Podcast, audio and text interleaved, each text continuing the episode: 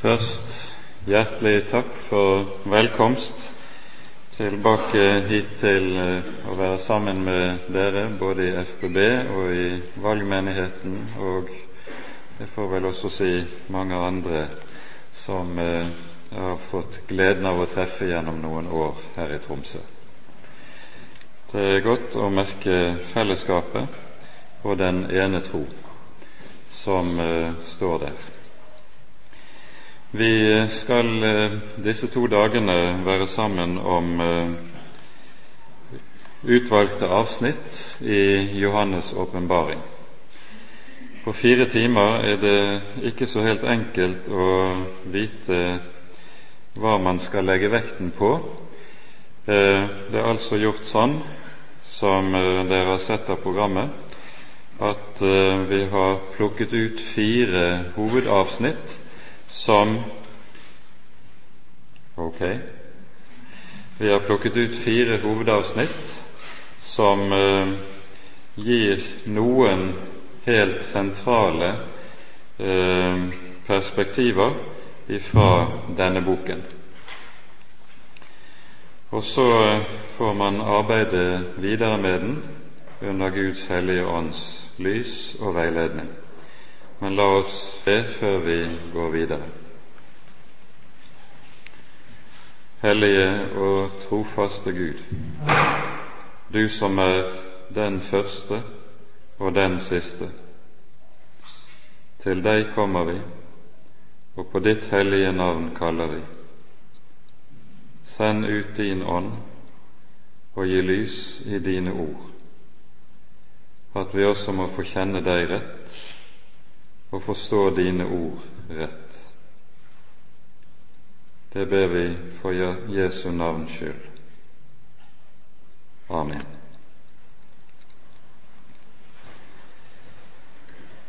Denne første timen den er altså har det med seg at vi skal ta for oss to kapitler, kapittel fem og seks i åpenbaringsboken. Men før vi går inn i det avsnittet, så må vi si et par ord innledningsvis eh, om selve boken. Det er jo slik at dette skriftet, Bibelens krone, eh, gjerne kalles for Johannes' åpenbaring. Og det er dette som også står som overskrift i eh, våre bibler. Men leser du første verset i boken, så vil du legge merke til at her står det følgende Jesu Kristi åpenbaring som Gud gav ham, for at han skulle vise sine tjenere det som snart skal skje. Og han sendte bud ved sin engel og kunngjorde det i tegn for sin tjener Johannes. Nå er det slik at åpningsordene som vi her hører, Jesu Kristi åpenbaring, det er en egen form i gresk språk som kan ha to betydninger. For det første så kan det bety en åpenbaring som Jesus Kristus gir, men så kan det også bety en åpenbaring av Jesus Kristus, det vil si der Jesus Kristus selv åpenbares for oss. Og Da tror jeg at det er viktig å være klar over at åpenbaringsboken ikke minst er dette siste.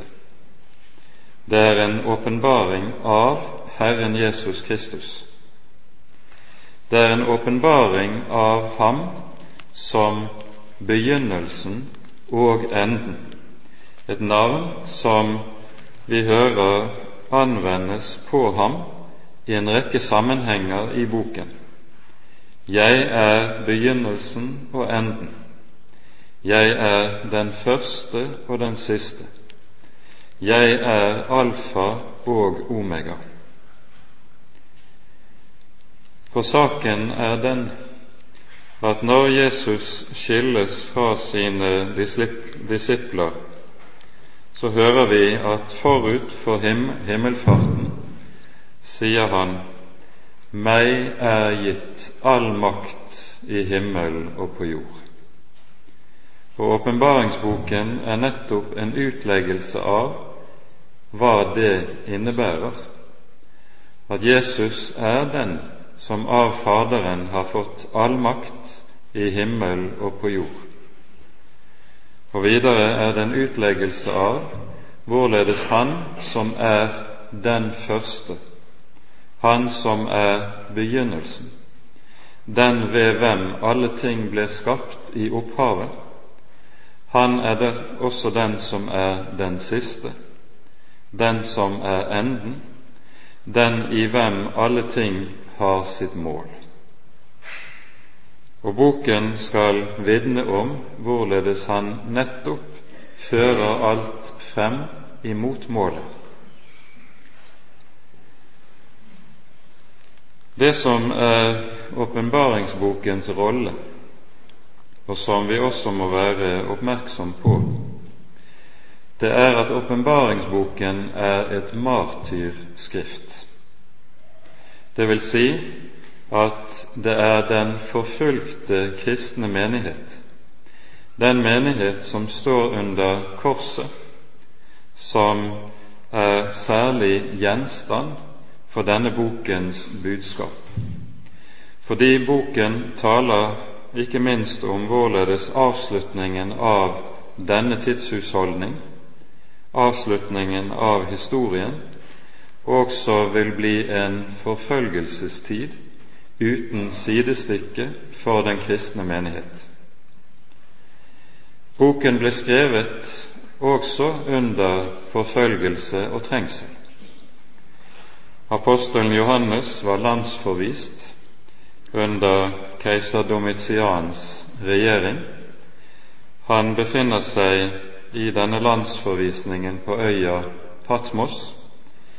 Han hadde forut for dette hatt sitt virke i mange år i menigheten i Efesos, som var en av de aller viktigste menighetene i den første kristne tid.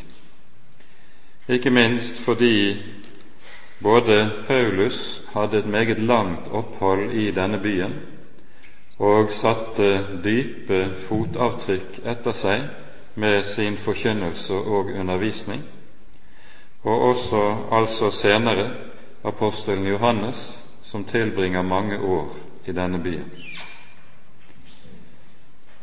Under keiser Domitian er det den første større og mer omfattende forfølgelse av den kristne kirke begynner.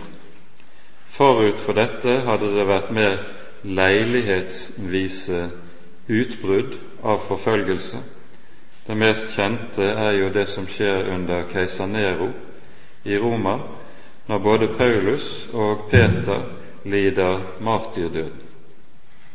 Lignende utbrudd hører vi om en rekke andre steder i nei, i Romerriket, men under keiser Domitian begynner forfølgelsene å bli mer allmenne og omfatte hele det veldige romerske riket. Og så blir dette som er menighetens situasjon, samtidig i Guds råd slik omgjort til det som blir et trøsteskrift for den kristne menighet med tanke på enden og historiens avslutning. I Johannesevangeliet hører vi Jesus vitne og si:" Dette har jeg talt til dere for at dere skal ha fred i meg. I verden har dere trengsel, men vær frimodige. Jeg har overvunnet verden. Og det er det som er budskapet også i Johannes' åpenbaring. I det vi her hører om hvorledes nettopp fiendskapet mot Herren og Hans folk henimot historiens avslutning skal bli så sterkt, så allment og så totalt at det nettopp kan se ut at det er det motsatte som er tilfellet. Ikke at Jesus har overvunnet verden, men at verden har overvunnet ham. Ikke at hans menighet skal stå frem som seirende på den siste dag, men at det onde skal stå frem med seieren. Og det er inn i dette mørket som Herren vet vil komme.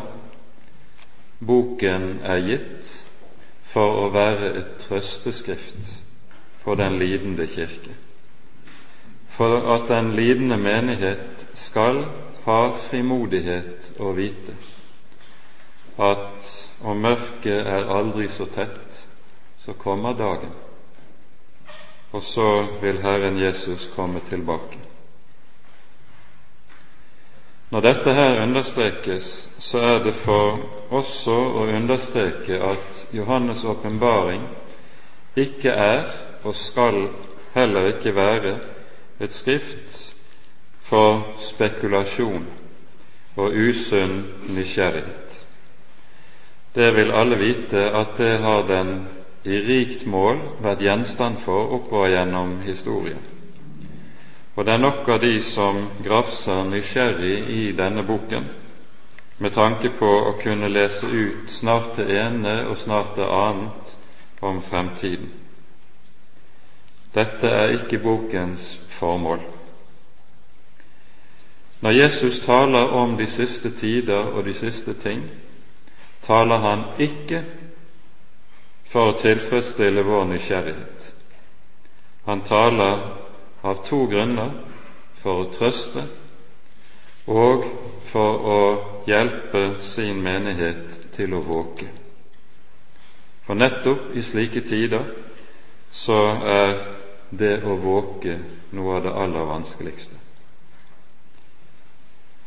Og så er det altså Jesu Kristi åpenbaring som Gud ga ham for at han skulle vise sine tjenere hva som skal skje i hast, lyder det. Her hører vi at innledningsordene i dette skriftet er noe av det samme som Jesus taler i sin ypperste prestelige bønn når han sammenfatter sin undervisning av disiplene med følgende ord. Han taler til Faderen og sier:" De ord du har gitt meg, har jeg gitt dem, og de har tatt imot dem og kjent i sannhet at jeg er utgått fra deg, og at du har utsendt meg. Dette kan på mange måter også settes som noe av innbegrepet av budskapet i åpenbaringsboken. Dette får være nok innledningsvis. Det er mye som ellers kan sies. Vi må gå til det femte kapittelet i boken. Og Da skal vi merke oss den nøye sammenheng som vi finner mellom kapittel 5, 6 og 7.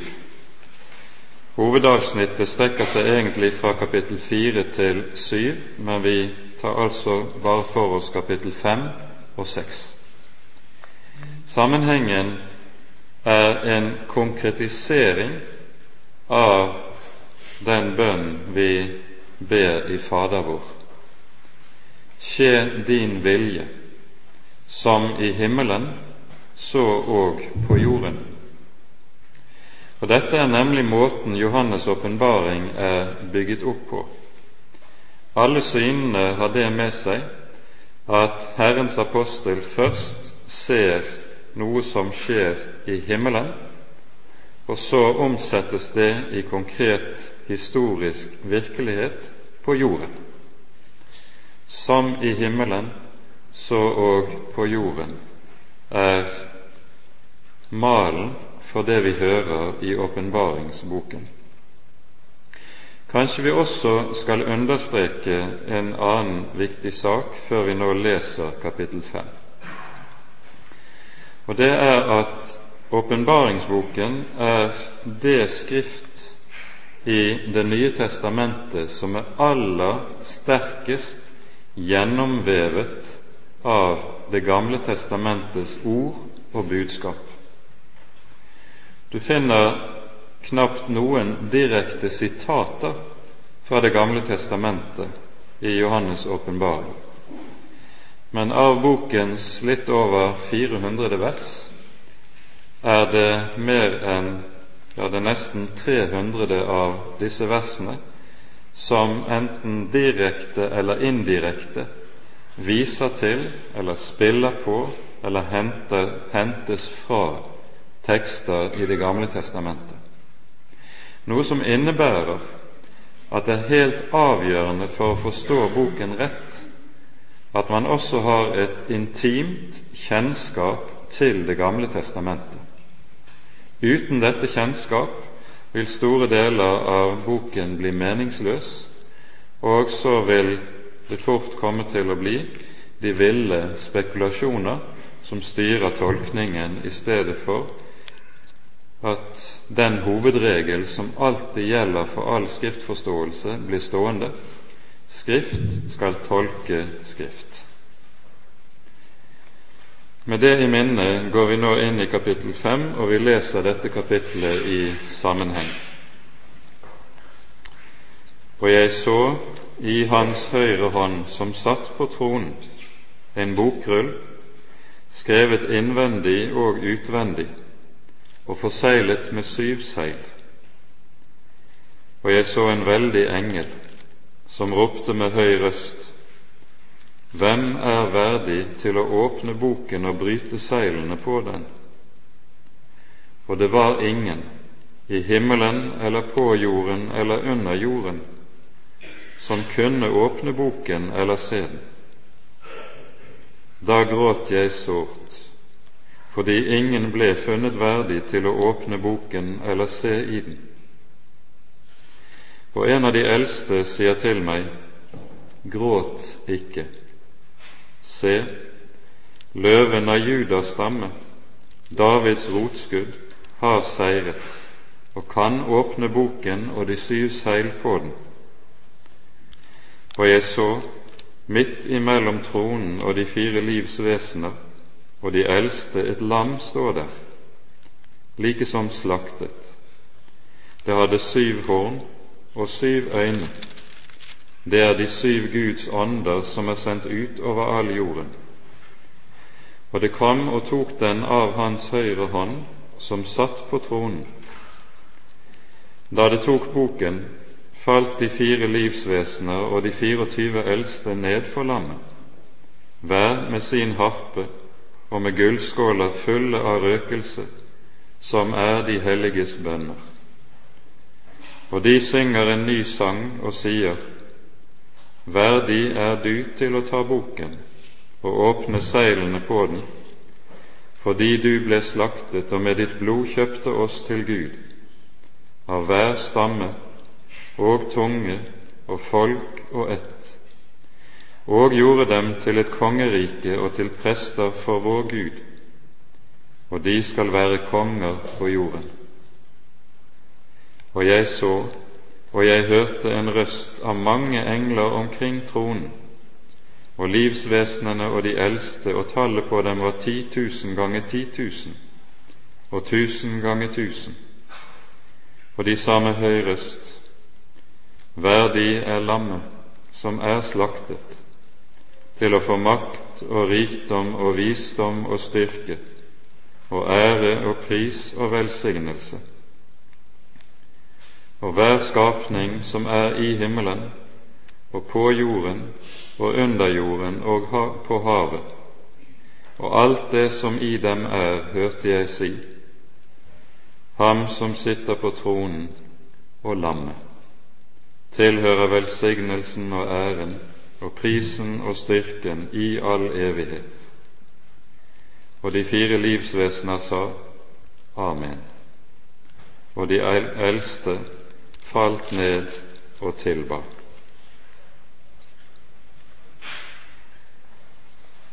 Det vi her tas med inn i, det er den himmelske gudstjenesten.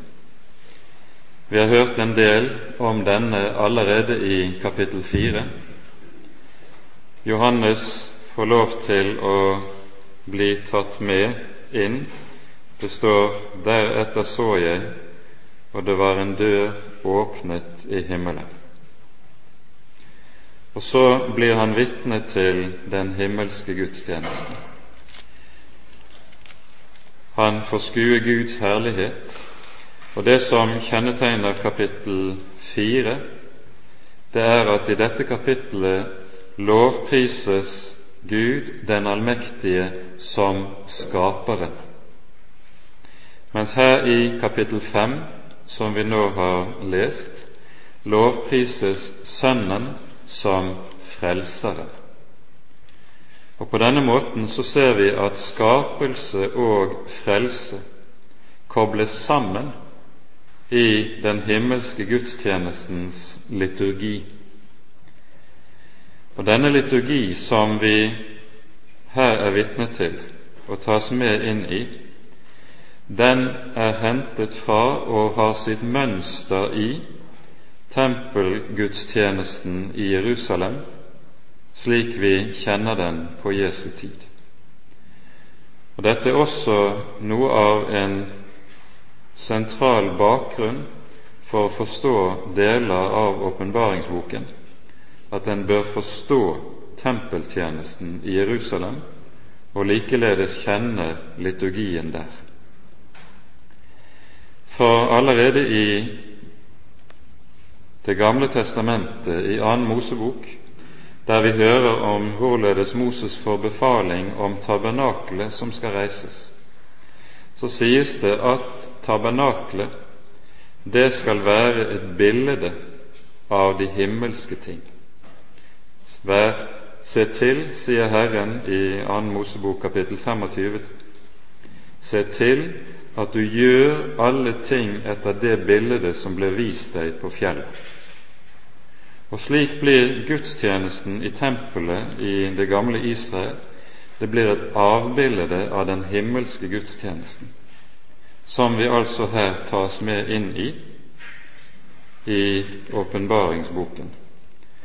Og ledd i denne himmelske gudstjenesten møter vi igjen på ny og på ny gjennom hele Skriftet. Etter at Johannes i kapittel fire har fått høre lovsangen til den allmektige Skaperen, så sies det Jeg så ikke i, men det står bokstavelig Jeg så på Hans høyre hånd som satt på tronen. Det er like som han holder hånden åpen og har en bokrull liggende fremrakt i rullen, like som for å gi den til noen.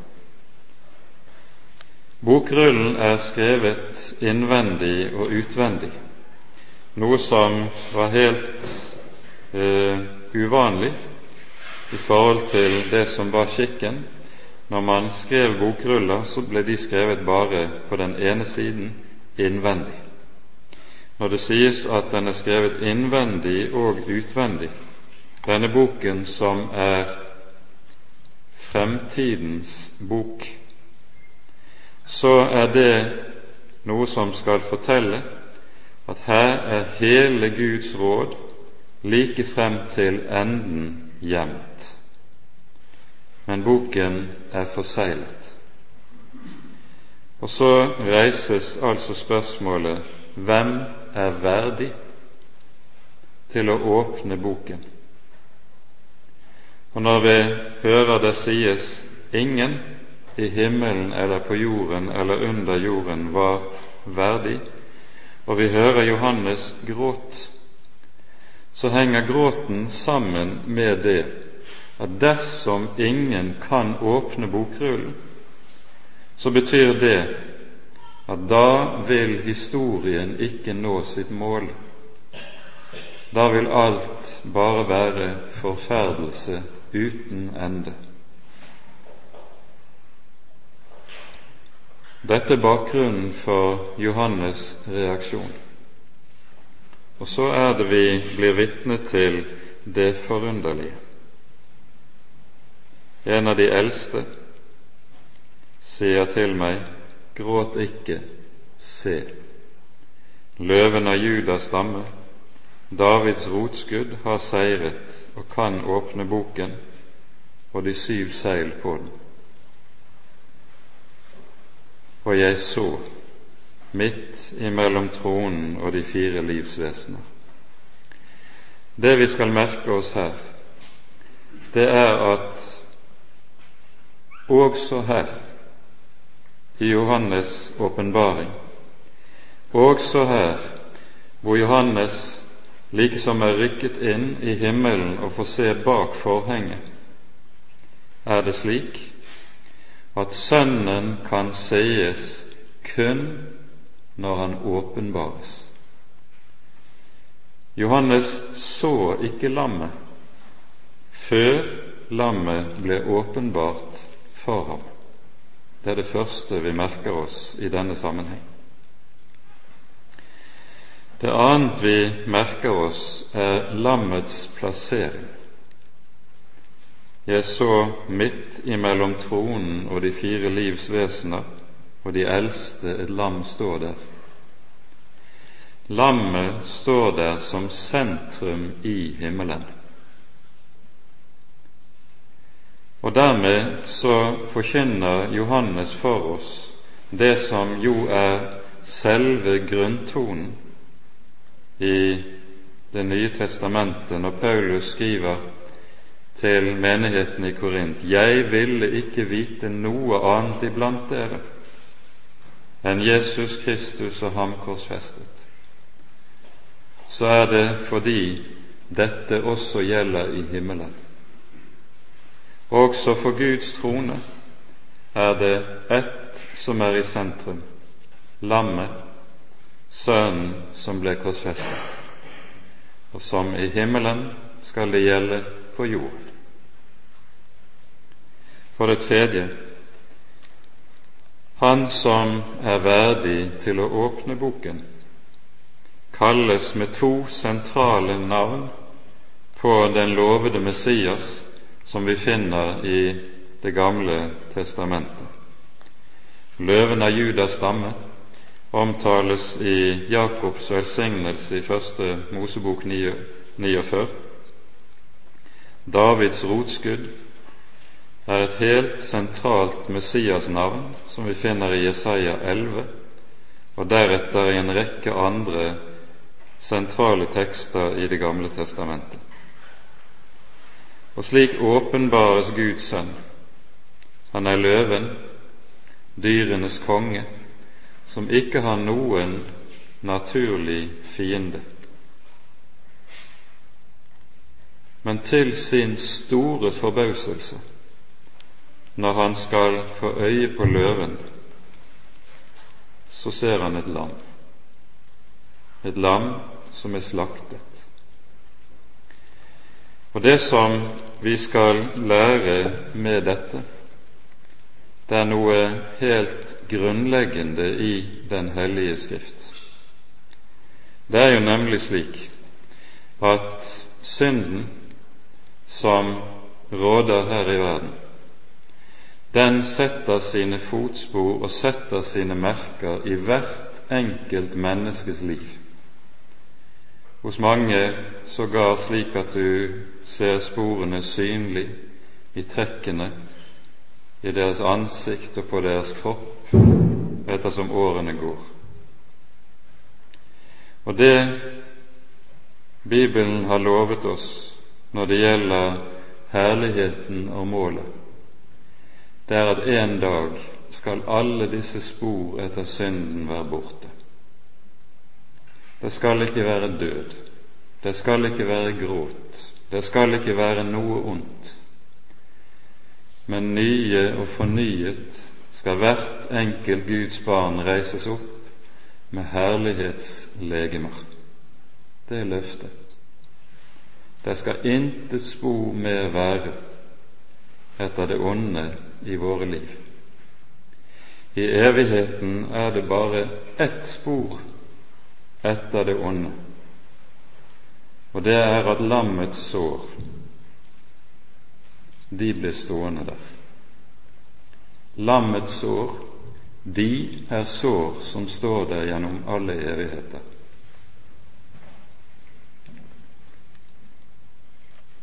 For å minne, for å minne om hva forløsningen har kostet. Og derfor tegnes Sønnen, derfor tegnes Frelseren i dette skrift, stadig på ny under skikkelsen av et lam men ikke bare som et lam, men et lam som er slaktet. Han er verdig til å åpne rullen. Han er altså den som er verdig til å fullføre historiens løp. For det å kunne bryte seilene og åpne rullen, det betyr ikke bare det å få ha rett til å se i rullen, men det betyr å ha fått fullmakt til å fullføre og fullbyrde det som står i rullen. Meg er gitt all makt i himmel og på jord, sier han som hang på korset. Og det er dette vi leser om. Og så hører vi lovsangen. Og det er underlig å legge merke til, for når det, vi hører om bokrullen, så hører vi at det var ingen som ble funnet verdig, verken i himmelen eller på jorden eller under jorden, til å åpne den. Hvem er det som synger for lammet? Det er alle de som var uverdige.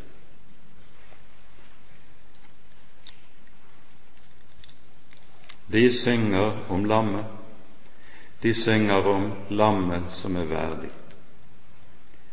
Og dette er den store lovsangen Vi hører at det sies det er de 24 eldste som stemmer i sangen. Hvem er de 24 eldste?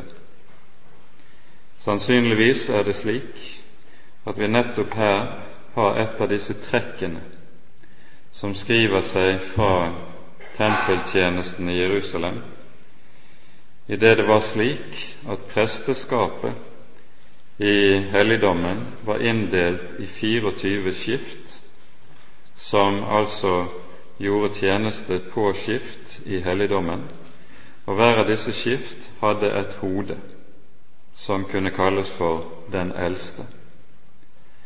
Og så er det klart da at her står det 24 englevesener i himmelen som representerer presteskapet i helligdommen. Hvorfor det? Fordi Guds folk i åpenbaringsboken gjentatte ganger kalles nettopp for et kongerike av prester.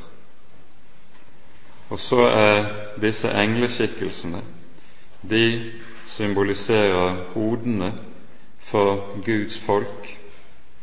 24-tallet er antagelig hentet fra dette at Israel i den gamle pakt hadde tolv stammer, og i den nye pakt er det tolv apostler. Og slik symboliserer de foreningen av Guds folk i den gamle og den nye pakt. Disse er forsangere i den himmelske gudstjenesten. Verdig er du til å ta boken og åpne seilene på den, fordi du ble slaktet, og med ditt blod kjøpte oss til Gud, av hver stamme og hvert folk og hver ett. Og så toner lovsangene gjennom himmelen, gjennom blant englenes myriader, og vi hører til slutt fra hele skapningen i vers 13 og i vers 14. Det kan være mange detaljer å gå inn på i dette, men det får være med disse korte trekk i dette. For dette, gudstjenesten i den himmelske helligdom, det er det som danner opptakten til det som nå skal skje på jorden. Da er vi kommet til det sjette kapittelet, og vi leser noen vers inn i dette.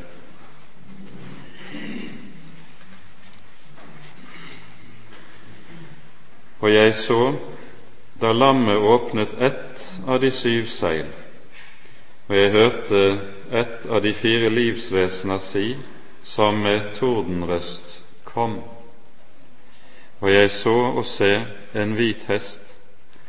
Han som satt på den, hadde en bue, og det ble gitt ham en krone, og han dro ut med seier og til seier.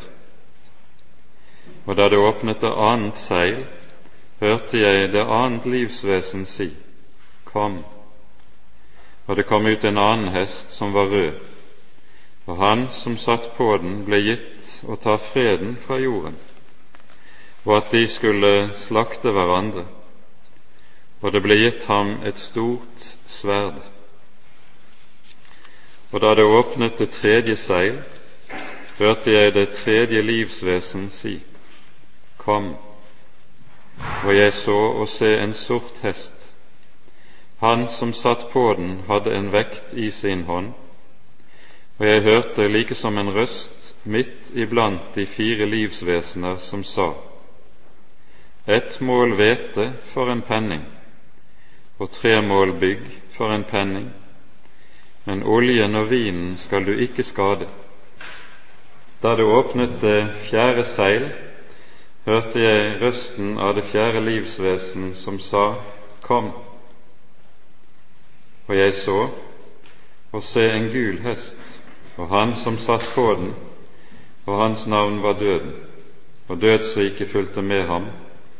Og det ble gitt dem makt over fjerdedelen av jorden til å drepe med sverd og med sult og med pest og med villdyrene på jorden. Og da det åpnet det femte seil, så jeg under alteret deres sjeler som var myrdet for Guds ords skyld, og for det vitnesbyrds skyld som de hadde. De ropte med høy røst og sa, Herre, du hellige og sanddrue, hvor lenge skal det vare før du holder dom og hevner vårt blod på dem som bor på jorden?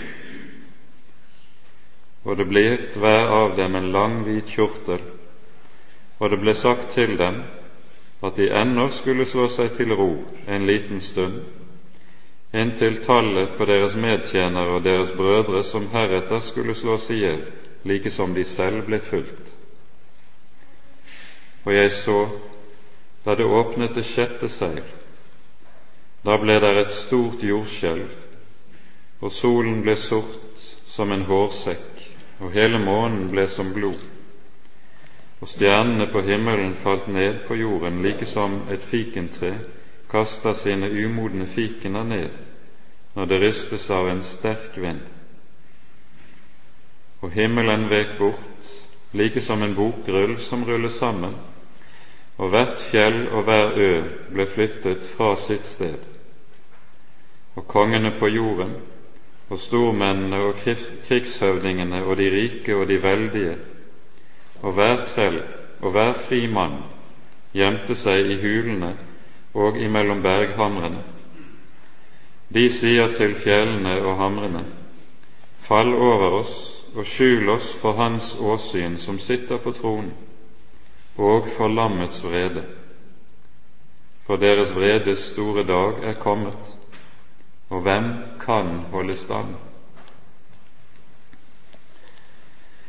Det vi her har lest, det er hvorledes de seks første seil brytes. Og med det er vi inne i det som er noe av oppbygningen av denne boken.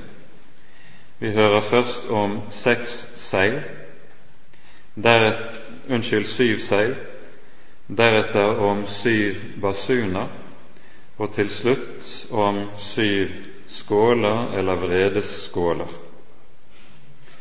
Og Det som er karakteristisk for alle disse seriene på syv, det er at med den siste, enten det er seil eller basun eller vredeskål, så er vi kommet til historiens avslutning, når alle ting finner sin ende, og som så blir begynnelsen på en ny himmel og på en ny jord.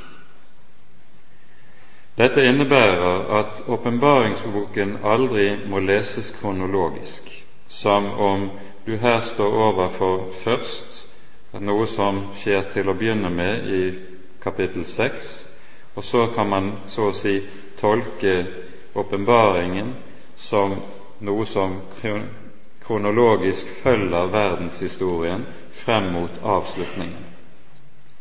I stedet er det slik at disse tre seriene på syv på ulike måter så å si gjentar bestemte ting som angår historiens gang, men gjør det ut fra bestemte perspektiver.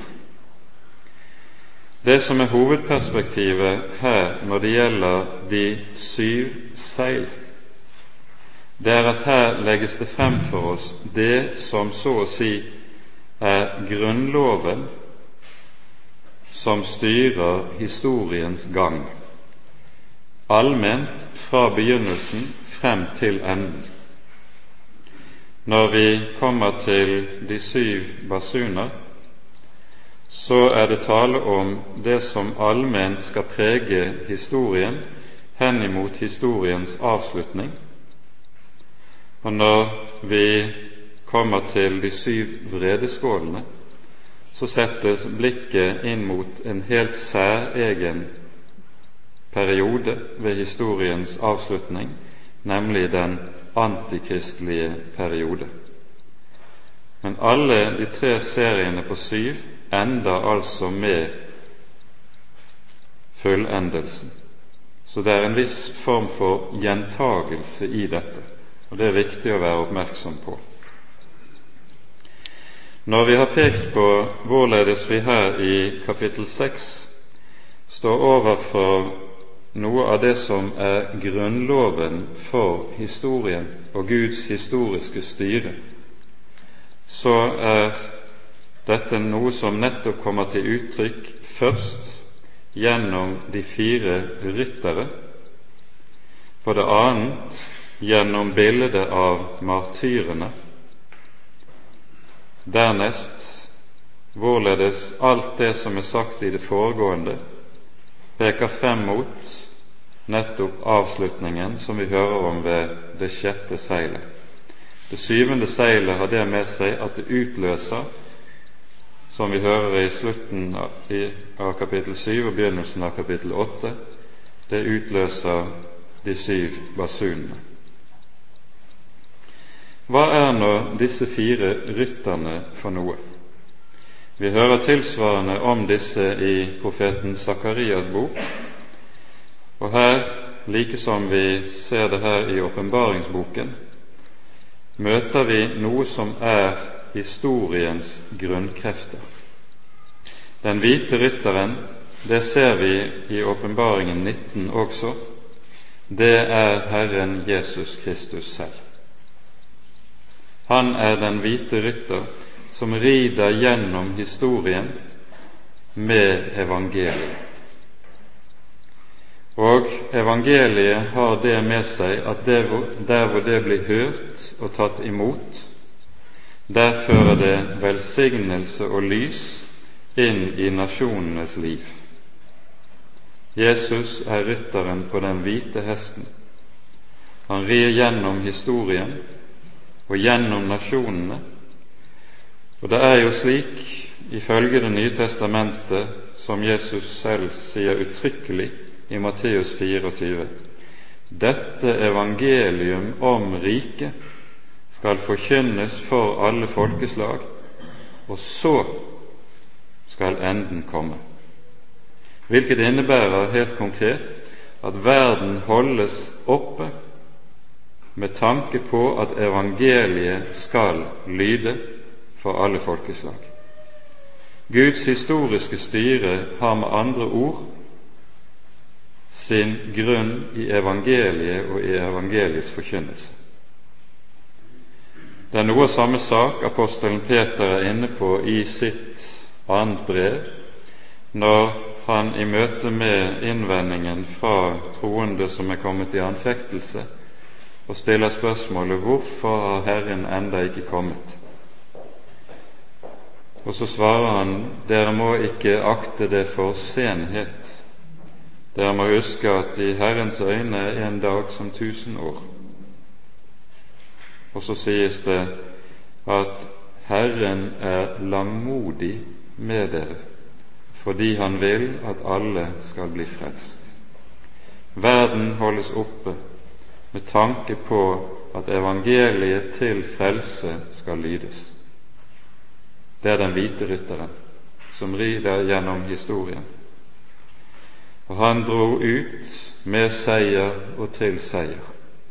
Og dette kan kun sies om Herren Jesus Kristus i åpenbaringsboken. Men så står vi også overfor det forhold at evangeliet kan avvises, ikke bare av enkeltmennesker, men også av folkeslag. Og der hvor evangeliet avvises, der kommer man uvegerlig inn under loven. Men der en kommer under loven, der kommer en også inn under forbannelse. Og de tre neste rytterne som vi hører om, han på den røde, på den sorte og på den gule hesten, de symboliserer de grunnleggende forbannelseskrefter som gjør seg gjeldende i historien der hvor evangeliet blir avvist. Disse forbannelseskrefter de er etter sitt grunnleggende eh, uttrykk krigen, hungeren og pesten. Når vi hører det sies i vers 6 om, eh, i forbindelse med rytteren på den sorte hesten ett mål hvete for en penning og tre mål bygg for en penning, så er dette et prisnivå på matvarer, på de mest elementære matvarene, som er tolv ganger høyere enn det som var normalprisen i samtiden. Noe som nettopp jo karakteriserer hungerstider, matknapphet, da ryker prisene på matvarer til værs og blir skyhøye. Um, disse grunnleggende forbannelseskreftene, krigen, hungeren og pesten, de er meget nøyere omskrevet i tre viktige avsnitt i Det gamle testamentet. Det er Tredje Mosebok 26. kapittel, Femte Moseboks 28. kapittel, og ikke minst i Salomos bønn i Første kongeboks åttende kapittel fra vers 32 av og utover, som bes i forbindelse med innvielsen av tempelet.